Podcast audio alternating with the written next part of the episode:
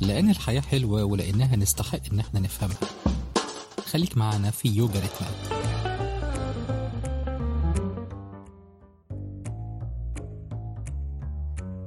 إحنا almost تقريبا أصبحنا ممارسي يوغا من خلال الحلقتين الأولى والثانية. اقتربنا شوية من مصطلحات اليوغا واقتربنا من بعض تطبيقاتها لكن اليوم حلقة خاصة حلقة جديدة من يوغا ريتمات.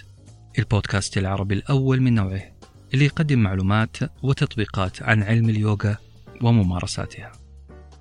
حياتنا اليومية والفترة الحالية تحديدا مهما كنا أشخاص هادئين إحنا نشعر إنه ممكن أن نصاب بنوبة توتر أو غضب. أحيانا رغبة عارمة في رفع أصواتنا والصراخ أو ربما يكون الأمر أسوأ. زي رمي الجوال على الجدار أو الإلقاء بممتلكاتنا الشخصية تعبيرا عن الغضب وعدم الرضا. وهنا أنا اتذكر ما قاله الأستاذ أحمد المغازي أننا نتأرجح غالبا بين شخصيتين الشخصية هادئة والشخصية قلقة. شخصية يمثلها الدالاي لاما وشخصية يمثلها الممثل الأمريكي وماستر الأيكيدو ستيفن سيغال. الشخصية الأولى الدالاي لاما هي شخصية هادئة ودودة مبتسمة مقبلة على الحياة. أما الشخصية الثانية فهي تحمل ملامح جامدة poker face كما يقال شخص حاد الطباع. يميل لتكسير العظام في الغالب وهنا السؤال يفرض نفسه هل هذا الشيء طبيعي ولا إحنا مصابين بسكيزوفرينيا أو انفصام انفصام الشخصية هل هذه النوبات المتقلبة من المشاعر السلبية والإيجابية الباردة والساخنة في آن واحد هل معناها أننا طبيعيين؟ أم هي تعني أننا نتحول شيئا فشيئا إلى أشخاص مضطربين نفسيا؟ هذه البسترة هذا الصعود والانخفاض في المود كيف نفسره؟ وهل اليوغا ممكن تفسر لنا هذا الموضوع؟ هل ممكن أن تحدد لنا طريقة التعامل المثلى مع هذه البسترة؟ هذه كلها أسئلة راح نوجهها اليوم لأحمد المغازي متخصص اليوغا والتأمل واللي راح يعطينا فكرة سريعة عن البسترة والإنسان خليكم معنا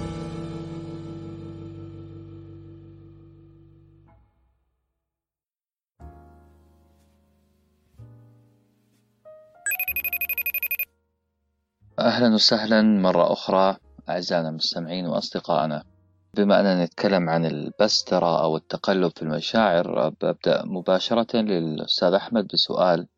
وقبل السؤال هذا بقول له إني أنا من مشد المعجبين بمسلسل ليالي الحلمية الدراما المصرية الشهيرة. طبعا الأجزاء الأولى الأخير لا ما عجبني كثير.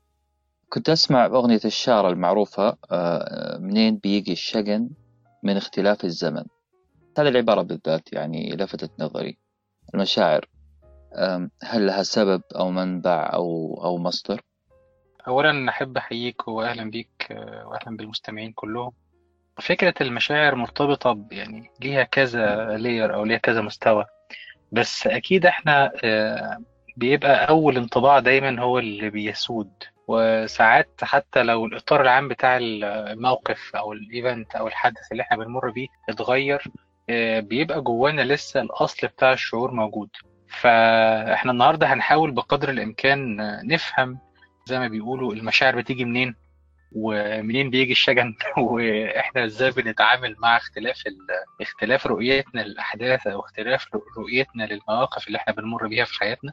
لأن ده أكيد بيبقى ليه انطباع وتأثير كبير جدا على طريقتنا بقى في التفكير وطريقتنا في العلاقات وطريقتنا في تعاملنا مع التجارب وطريقتنا في الإنجاز. فهنحاول النهارده ندور كده و...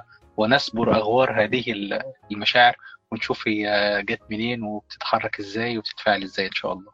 طيب آه، في برضو بما أننا تكلمنا عن عمل درامي في عمل كرتوني أو animation ثلاثي أبعاد اللي أنتجته شركة بيكسار آه، فيلم Inside Out اللي ترجم بقلبا وقالبا صحيح. الفيلم الكرتوني ده في يعني يمثل حكاية المشاعر وتفاعلاتها بشكل جميل ولطيف وقوي عميق في نفس الوقت. من الأفلام اللي ممكن تقف عندها تقول هذا يعني ينفع للصغار والكبار. هل ممكن؟ يعني نصنع للمشاعر كاركتر صورة معينة أو شخصية معينة؟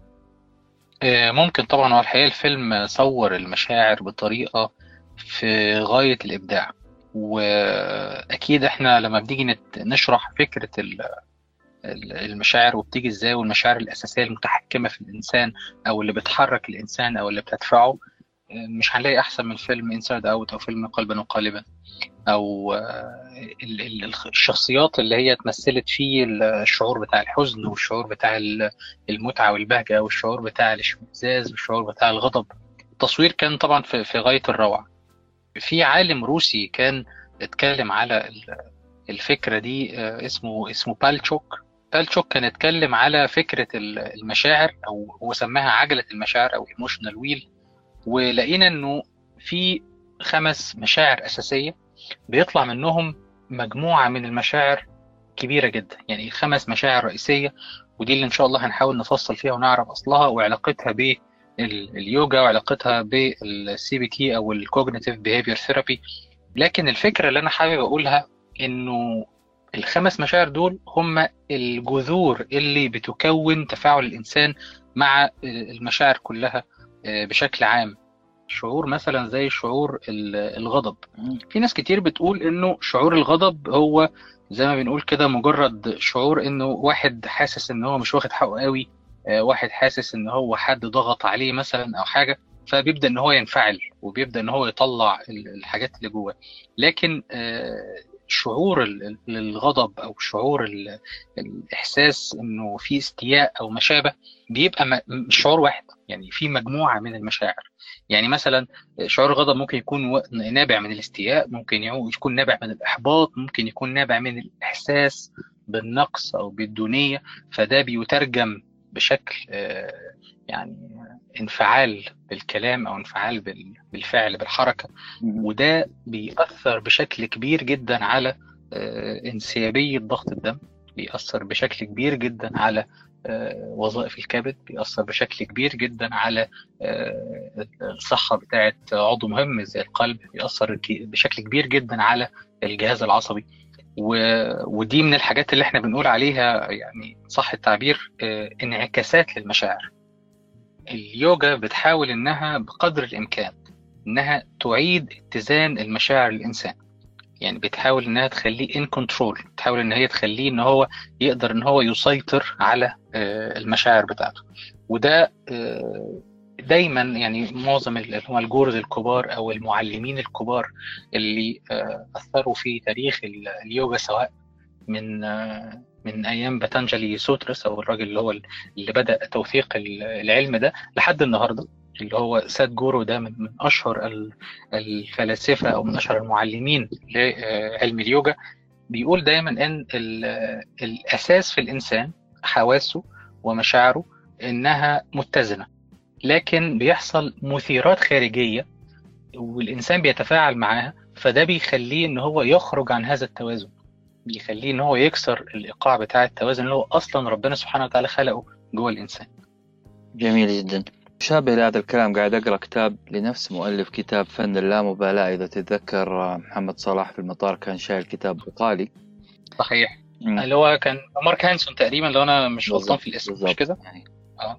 عمل كتاب تاني آه مش عارف لونه أحلى طبعا أخضر كده على تريكواز. آه, آه تمام. واسمه غريب شوي اسمه خراب. العنوان جدا متشائم لكن داخل صفحات الكتاب بيتكلم عن فعلا الغضب له أكثر من مصدر وكلها تدور في فلك الشعور بعدم الاستحقاق أنا لا أستحق الذي حصل لي هذا الشيء فبيبدأ الإنسان يعمل موازنة عن طريق الغضب. عشان يسترد هذا الاستحقاق.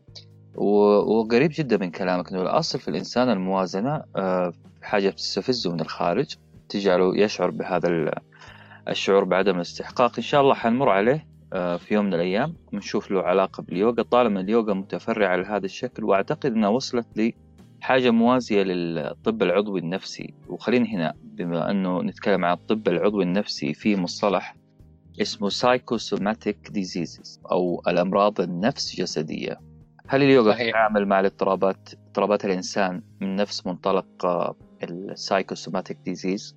لو هنعمل مزج ما بين السؤال بتاع عدد المشاعر والسؤال العبقري اللي حضرتك بتقوله دلوقتي هنلاقي إنه إحنا في عندنا زي ما قلنا خمس حالات شعورية والخمس حالات الشعورية دول بينعكسوا على أعضاء في جسم الإنسان. يعني كل ما كان الشعور متزن كل ما كان تفاعل هذا العضو في جسم الإنسان معاه متزن. لما بيكون هذا الشعور فائق الحدة العضو اللي جوه جسم الإنسان ده بيتفاعل معاه بشكل برضه فائق الحدة فقد يؤدي هذا التفاعل إلى تلف هذا العضو.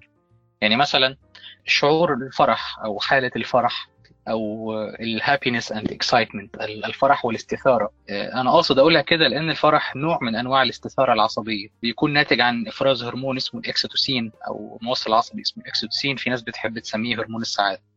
طبعا ده بيسبب نوع من التحفز وبيسبب قلة النوم. يعني لما الواحد يكون مبسوط ما بيكونش عنده نوم أكيد يعني. بيبقى النوم أبعد حاجة عن عن دماغه هو عايز يستمتع بحالة الاكسايتمنت أو حالة الاستثارة أو حالة السعادة اللي هو فيها بيبقى فيه خفقان في القلب.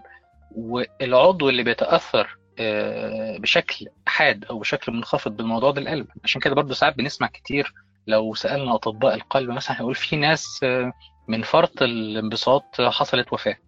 القلب لم يستطع أن يتحمل هذه الدفعة من الأكسيتوسين أو بمعنى أدق يعني هذه الدفعة الاستثارية الشعورية. ونفس القصة لما بيحصل حزن برضه. لكن الفرح بيؤثر على القلب مباشرة.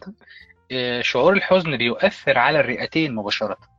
يعني شعور الحزن هو حالة من الهبوط وحالة من السكون وحالة من ضيق التنفس تحصل مع البكاء. لو بنشوف حد بيبكي يعني زي ما بيقولوا كده في اللغة العربية الفصحى أجهش بالبكاء. يعني قاعد يعيط لحد ما هو مش قادر يتنفس. بيأثر بشكل كبير جدا البكاء والحزن بيأثر بشكل كبير جدا على الرئتين وده بيعمل اختلال كبير في الجسم كله لأنه بيقلل تدفق الأكسجين في الجسم وفي الدم. بشكل كبير.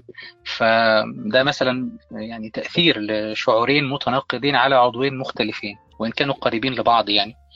آه كمان الفكرة أو أو يعني إيه الشعور بتاع الانشغال البال أو اللي إحنا بنحب نسميه ال overthinking الأسئلة الوجودية التي تأتي بغير استئذان بعد الساعة 12 بالليل كيف بدأ الخلق؟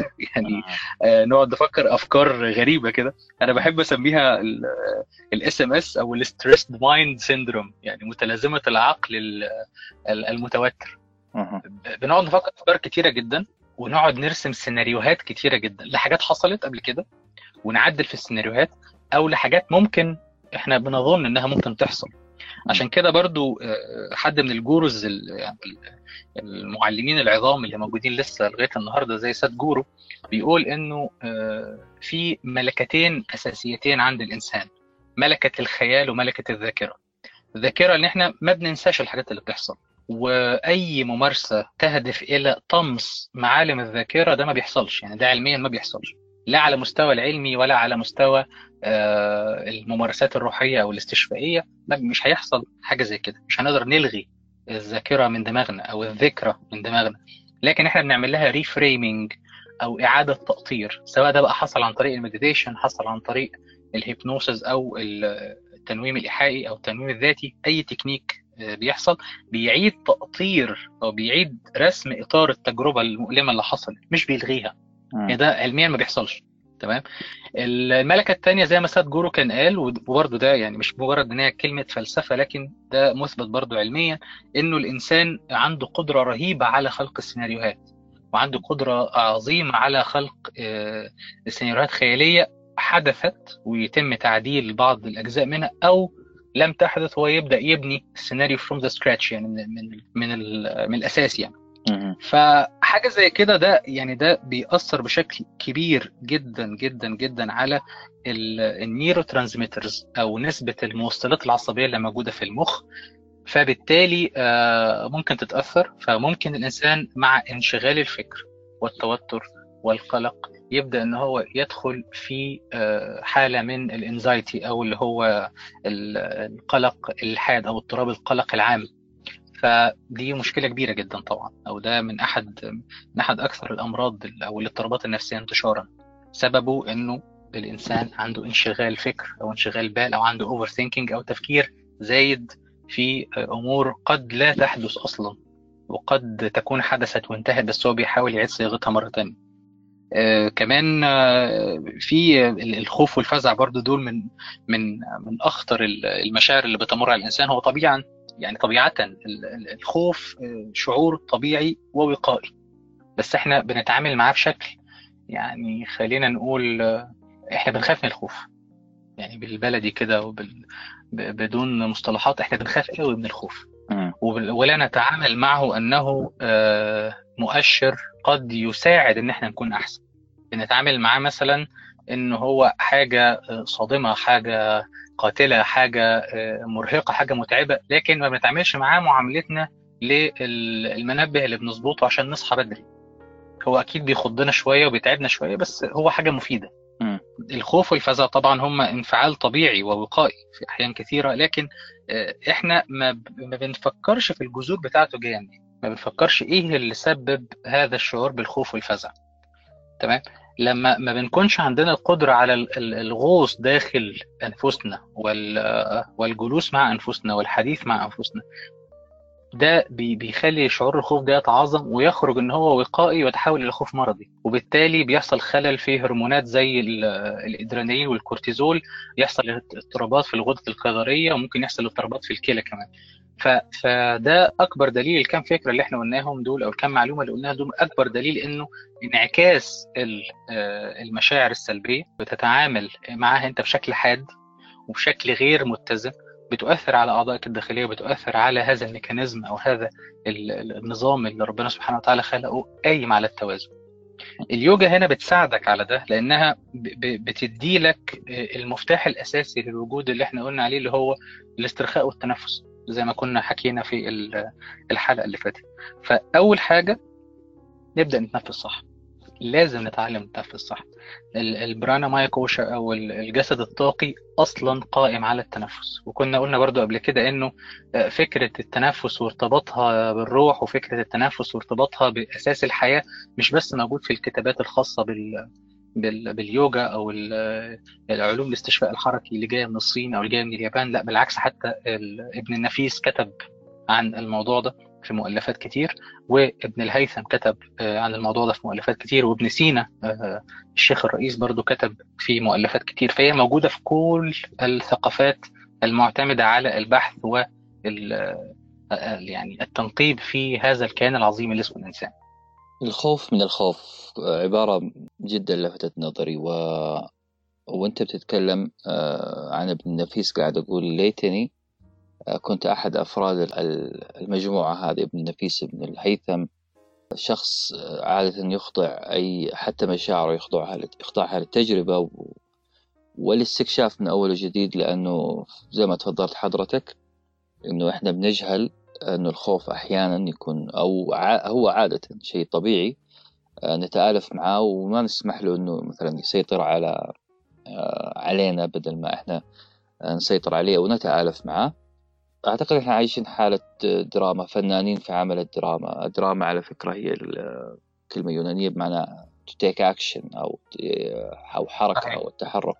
إحنا بنتحرك كثير في مسألة الخوف بس في الاتجاه السلبي أعتقد تكبير هذه الصورة. آه، عندي سؤال أنا. مهم جدا بالنسبة للإنسان. هل إحنا فعلا دراميين؟ فنانين في الدراما؟ طيب أنا آه، طبعا برضو أنت ما شاء الله يعني آه، لعيب زي محمد صلاح كده في اختيار ال- الأسئلة. فأنا ح- هقول لك إنه إحنا للأسف آه، دراميين للأسف. آه، إحنا مش هقول بقى إحنا كشعوب عربية. يعني طبعا عشان أنا أنا كمصري طبعا إحنا إحنا اللي ابتكرنا الدراما العربية. و- وبعدين بقى أهلنا في الشام وبعدين طبعا أهلنا في الخليج كمان. آه، مش بس الوطن العربي هو اللي درامي أو الوطن العربي هو شعوب عاطفية. لا العالم كله كده على فكرة. الإنسان بطبعه يميل للدراما. خلينا نتفق على ده. عشان بس إيه ما يبقاش فيه نقول لا أصل هم ال- الشرق أوسطيين مثلا هم العاطفيين شوية لا الآسيويين هم اللي مش عارف كذا. لا العالم كله كل الناس بتحب الدراما. تمام؟ ليه؟ لأنه إحنا آه، بنحب أحيانا وأحيان كتيرة مع الضغوط إن إحنا آه، حد يقول لنا معلش. حد يقول لنا يعني يا سيدي بسيطة وهتعدي. آه، كل مر سيمر تمام؟ بنحتاج ده. فقد يتطلب الأمر مننا بعض الوقت إن إحنا نبرز المشاعر بشكل درامي عشان نجذب آه، الاهتمام أو نحصل على الاهتمام. فده يعني أنا هتعامل معاه بشكل أقول إنه هو حق إنه الناس تحس بالاهتمام وحق إن الناس آه، تحس إنه في حد بيطبطب عليها وحد بيهتم بيها وبيخلي باله منها مفيش مشكلة. لكن لما الموضوع يتجاوز الإطار ولما الموضوع يعدي حد التوازن هنبدأ إن إحنا نبقى زي إيه كده في اضطراب نفسي اسمه آه historic personality disorder أو اضطراب الشخصية التمثيلية اللي هو الشخص بيحاول إن هو يقعد يتقمص أدوار معينة عشان يشبع شعور جواه بالنقص تمام؟ في اليوجا آه، في عندنا حاجة اسمها الهام كارا هام كارا هام كارا هي المعادل الفلسفي لكلمة الإيجو أو كلمة الأنا. الهام كارا بيبقى جواها اعتزاز مش طبيعي بالتجارب اللي إحنا مرينا بيها تمام؟ بيبقى جواها اعتزاز آه، عالي جدا بالصعوبات. التحديات المواقف ال- المتعبة ويبدأ إن هو الشخص اللي عنده الهام كارا أو ال- الإيجو عنده مش متزنة يصدر للناس هذه الأشياء. يعني مثلا في في خضم هذه الأحداث التي يمر بها العالم مثلا حد مثلا يقول إيه؟ يقول والله أنا حضرت حضرت مثلا زلزال سنة كذا وحضرت إعصار تسونامي وحضرت البندمج بتاعت الكورونا وحضرت يقعد بقى إيه؟ يعدد هذه الأشياء. ليه؟ عشان هنقول له يا كل الحاجات دي انت عديت عليها وانت لسه عايش مع انه أصلا ممكن يكون يعني ما عاش تسونامي مثلا. يعني هو ما كانش في الوقت بتاع التسونامي موجود. ما كانش وقت الإعصار بتاع كذا كان موجود. ما كانش وقت الزلزال الفلاني كان موجود في نفس المكان أقصد. بس هو بيديني بيصدر لي صورة تمثيلية إن هو عاصر كل هذه ال- المشاكل أو كل هذه الكوارث الطبيعية وهو تمام يعني زي الفل. يعني هو قوي. نوع من التعويض عن شعوره إن هو ضعيف. دي حاجة بتكون موجودة آه، كتير قوي بنشوفها كتير لما بنحس إن إحنا محتاجين الناس تقول لنا برافو عليكم. نحس إن الناس محتاجين تقول لنا أنتوا شاطرين أنتوا جامدين أنتوا أقوياء أنتوا كذا. فاهم قصدي؟ فده نوع من الاستثارة أو بستحث الشخص اللي قدامي إن هو يديني نوع من الإطراء أو يديني نوع من التشجيع. جميل. هام كارا إذا هي وسيلة جذب انتباه يمكن الناس تجاهي لفت نظر دراما معينة. طيب جميل جدا. تعودنا نشرب حاجة. من إيدينك الحلوة مرة مشروب طاقة ومرة آه، اسبريسو الخاص باليوغا. صحيح. حضر لنا إيش اليوم؟ آه النهارده هن... هنتكلم إن شاء الله أو هنشرح للناس آه، في نوع من اليوجا اسمه آه يوجا مودرا أو يوجا الأصابع. ال- آه، في الطب الهندي أو طب الايرفيدا وكمان في الطب الصيني. آه، إنه في كفين الإيد في موجود آه، مسارات الطاقة اللي هي ال energy meridians اللي هي بتوصل الطاقة لكل أجزاء الجسم. فلو إحنا عقدنا الأصابع بشكل معين آه، لوقت معين بطريقة تنفس معينة ده بيؤثر على ال- الأعضاء الداخلية. فإحنا النهارده بإذن الله هنشرح ده وتمرين بسيط خالص وهنقول آه، أو هنخوض مع بعض تجربة تأمل اسمه emotional mindfulness أو تأمل الحضور الشعوري. علشان آه، نعمل توازن شعوري جسدي. وده بيحقق توازن ما بين ال koshas الثلاثة اللي إحنا كنا قلنا عليهم وفي نفس الوقت بيحقق مبدأ مهم جدا اسمه مبدأ ال purpose of life أبقى أنا فاهم أنا موجود هنا ليه. الهنود بيسموه الدارما. Purpose of life أو بيسموه الدارما. الدارما كمان من من فلسفة الدارما إنه أبقى أنا فاهم إنه الحياة ups and downs. طبيعة الحياة إنه في مواقف مرهقة جدا وفي مواقف مستهلكة جدا وفي مواقف هحس إن أنا في غاية ال- النشوة بالانتصار وفي غاية السعادة وفي غاية الفخر إن أنا عملت كذا. وساعات هحس إن أنا في غاية الضيق ومش عايز حد يتكلم معايا. هذه هي طبيعة الحياة. مم. عشان ده يحصل لازم يكون عندي mind expansion يعني عندي توسع في العقل الهنود بيسموها الفيستارا. الفيستارا اللي هو توسع العقل. يعني ما تضيقش دماغك. زي ما إحنا في مصر كده بنقول إيه؟ يا راجل كبر دماغك. أنا بط- بطالب كل حد بيسمعنا النهارده ده يكبر دماغه ويخلي عنده mind expansion وسع مداركك أكتر عشان تفهم طبيعة الحياة وتفهم الغرض اللي إحنا موجودين علشانه وتفهم إنه الحياة ليست على وتيرة واحدة وإن الحياة ليست على آه، نطاق شعوري واحد. يعني مش هنفضل مبسوطين على طول ولا هنفضل في حزن على طول ولا هنفضل آه، يعني في غضب على طول. وأعتقد ده إن شاء الله هيظهر أكتر لما بإذن الله نطبق مع بعض النهارده التكنيك بتاع اليوجا مودرا والتأمل بتاع الحضور الشعوري إن شاء الله. إذا كلمة السر اليوم آه، الفيستارا حنحطها إن شاء الله شعار قدامنا. كبر الفيستارا صحيح. ووجبتنا عبارة عن أصابع يوغا الأصابع. تسلم الأصابع على فكرة. الله يخليك تسلم. ربنا يخليك. وننتظر إن شاء الله بإذن الله نسمع منك التطبيق العملي ليوغا الأصابع. شكرا لك أستاذ أحمد. أشكرك أشكرك وممتن جدا لتفاعلك ويعني عطائك لهذا البودكاست من القلب وبيصل إلى القلب. حبيبي الله يسعدك. في أمان الله.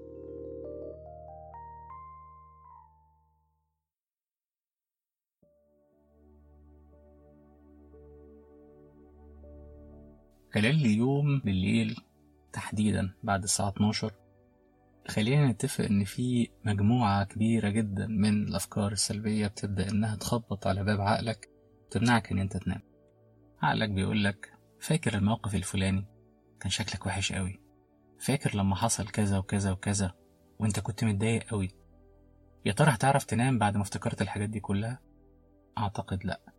الفكرة هنا إنه العقل دايما متبرمج إن هو يبحث عن الذكريات اللي بتعمل لك أرق وبتعمل لك قلق ويحاول إن هو يحطها قدامك على السطح علشان تخلي بالك وتبقى في حالة من الأمان. ممكن تستغرب شوية. بس هو دايما بيفكرك بالملفات المفتوحة اللي ما اتقفلتش وبيحاول إن هو يزقك ويدفعك إن أنت تقفل الملفات المفتوحة. الحاجات دي كلها بتولد مجموعة من المشاعر السلبية زي القلق والتوتر والخوف والبعد عن الهدوء. خلينا نتفق النهاردة إن إحنا هنحاول نجرب مع بعض مجموعة من ال techniques الجديدة. التكنيك اللي هنشتغل عليه النهاردة اسمه يوجا مودرا. هو أحد الأفرع الأساسية في علم اليوجا ومعنى كلمة يوجا مودرا أو كلمة مودرا تحديدا هي تخليق أو إنتاج السعادة. الأساس العلمي في فكرة ال mudras أو ال yoga mudras هو علم اسمه reflexology أو علم العلاج بالمنعكسات. العلم ده بدأ يظهر في بدايات الستينات وبدأت تجارب كتيرة جدا تشتغل عليه وهو أساسه العلم أو الطب التكميلي القديم اللي بدأ في الهند وبعدين انتقل إلى الصين وكل أجزاء آسيا فيما بعد. الفكرة بتقول إنه الموجود إيدين ليس مجرد شعيرات دموية وعضلات وعظام فقط ولكن هناك مجموعة من القنوات الطاقية الموجودة في اليدين والقدمين واللي بتساعد على تدفق السيال الطاقي أو السريان الطاقي في كل أجهزة جسم الإنسان. وكل عضو في جسم الإنسان موجود له نقطة أو قناة طاقية على اليدين والقدمين.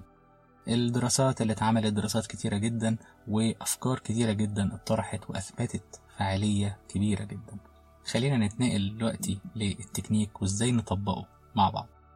هنحاول نجلس جلسة مستقيمة ظهرنا مفرود مش مشدود ونحاول إن إحنا نركز على هدوء التنفس بتاعنا. هدوء التنفس معناه إن التنفس بيدخل بسهولة ويسر من الأنف ويملأ الرئتين ويخرج مرة أخرى من الفم لمدة عشرين ثانية. وبعدين بنبدأ نتنفس تنفس عادي جدا شهيقا وزفيرا من الأنف ولكن نحرص إن الرئتين بيمتلئوا تماما بالهواء أثناء الشهيق. هنعقد الأصابع السبابة والإبهام كأننا بنعمل رقم ثلاثة بإيدينا. وظاهر اليد هيكون مسترخي تماما على الفخذ أو على الركبة لو إحنا قاعدين في وضعية الجلوس. هنحاول إن إحنا نركز على النفس ونركز على تركيز هذا الشعور بالاسترخاء وهذا الشعور بالهدوء على منطقة القلب وعلى منطقة الحنجرة. التمرين ده محتاجين إن إحنا نركز عليه من 3 دقايق لخمس دقايق. أكيد في أفكار كتير جدا هتحاول إنها تدخل على دماغك وتحاول إنها تبعدك عن حالة التركيز. لكن خلي تركيزك على وضعية اليوجا مودرا عقد الأصابع السبابة والإبهام استرخاء كف الإيد وعلى تدفق الهواء بأكبر كمية ممكنة للرئتين. جربوا وإن شاء الله تعجبكم وتكونوا في حالة استرخاء وحالة توقف للأوفر ثينكينج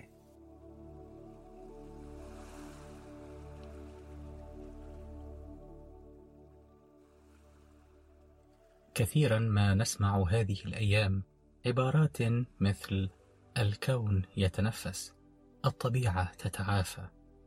ها نحن نرى الحيوانات تنعم بوجودها في الغابات وحتى في بعض الأماكن العامة. ربما يثير هذا النوع من العبارات في عقلك صورة لشجرة قوية باسقة منعشة. أنت الآن تتخيل هذه الأوراق الخضراء اللامعة واترك ذلك بعضا من الثمار اليانعة. هناك تشابه بين هذه الشجرة وبين حياتك. دعني أخبرك أكثر عن هذا الأمر. يمكنك الآن أن تختار مكانا خال من المقاطعات ويمكنك كذلك أن تجلس جلسة مريحة. يكون ظهرك مفرودا لا مشدودا وأن يكون تنفسك أعمق وتمتلئ رئتيك بالهواء النقي. الآن أغمض عينيك. تنفس بعمق. شهيق زفير. مرة أخرى شهيق. زفير. شهيق. زفير.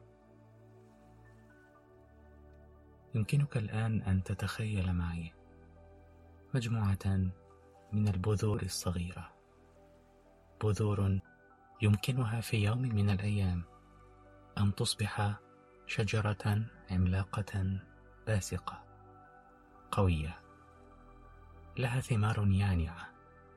ولها أوراق خضراء لامعة. هذه البذور في حياتك هي المشاعر هي التجارب هي الأفكار التي تدور في رأسك منذ أن كنت طفلا صغيرا. عندما نلقيها الآن في تربة الحياة ونسقيها جرعات من ماء الحياة وندعها تكبر وتنمو.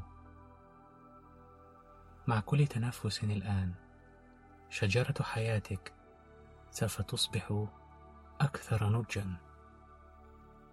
دعها تنعم بالتنفس الذي هو ماء الحياة.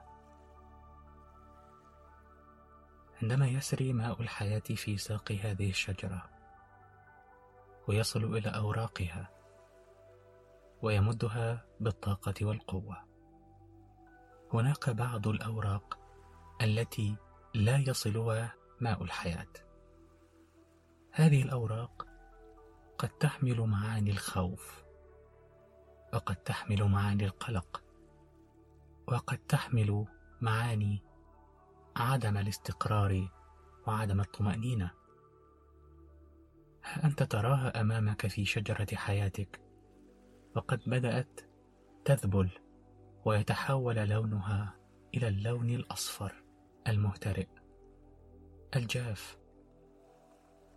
والآن حان وقت أن تتساقط هذه الأوراق. تنفس بعمق.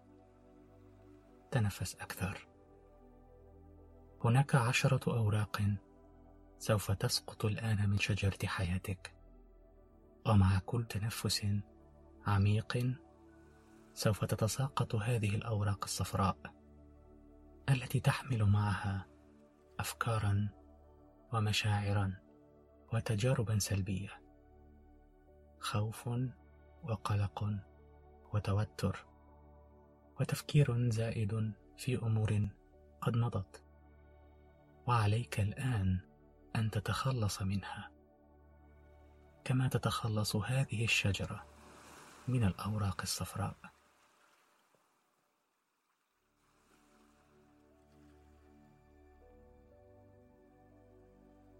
دعنا نتنفس أكثر بعمق شهيق وزفير.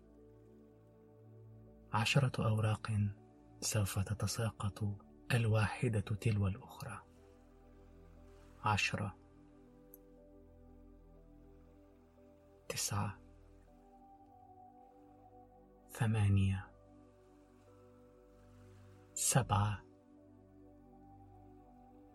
ستة. خمسة. أربعة. ثلاثة. اثنين. واحد. انظر إلى هذه الأوراق وأنفاس حياتك تطردها بعيدا عن الشجرة. وأمعن النظر في أوراق حياتك اليانعة الخضراء اللامعة. وإلى قوة شجرة حياتك التي رويتها للتو بجرعات عظيمة من التنفس الذي هو ماء الحياة.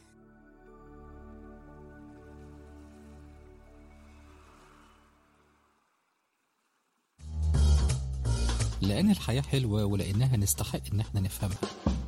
خليك معنا في يوجا ريتمات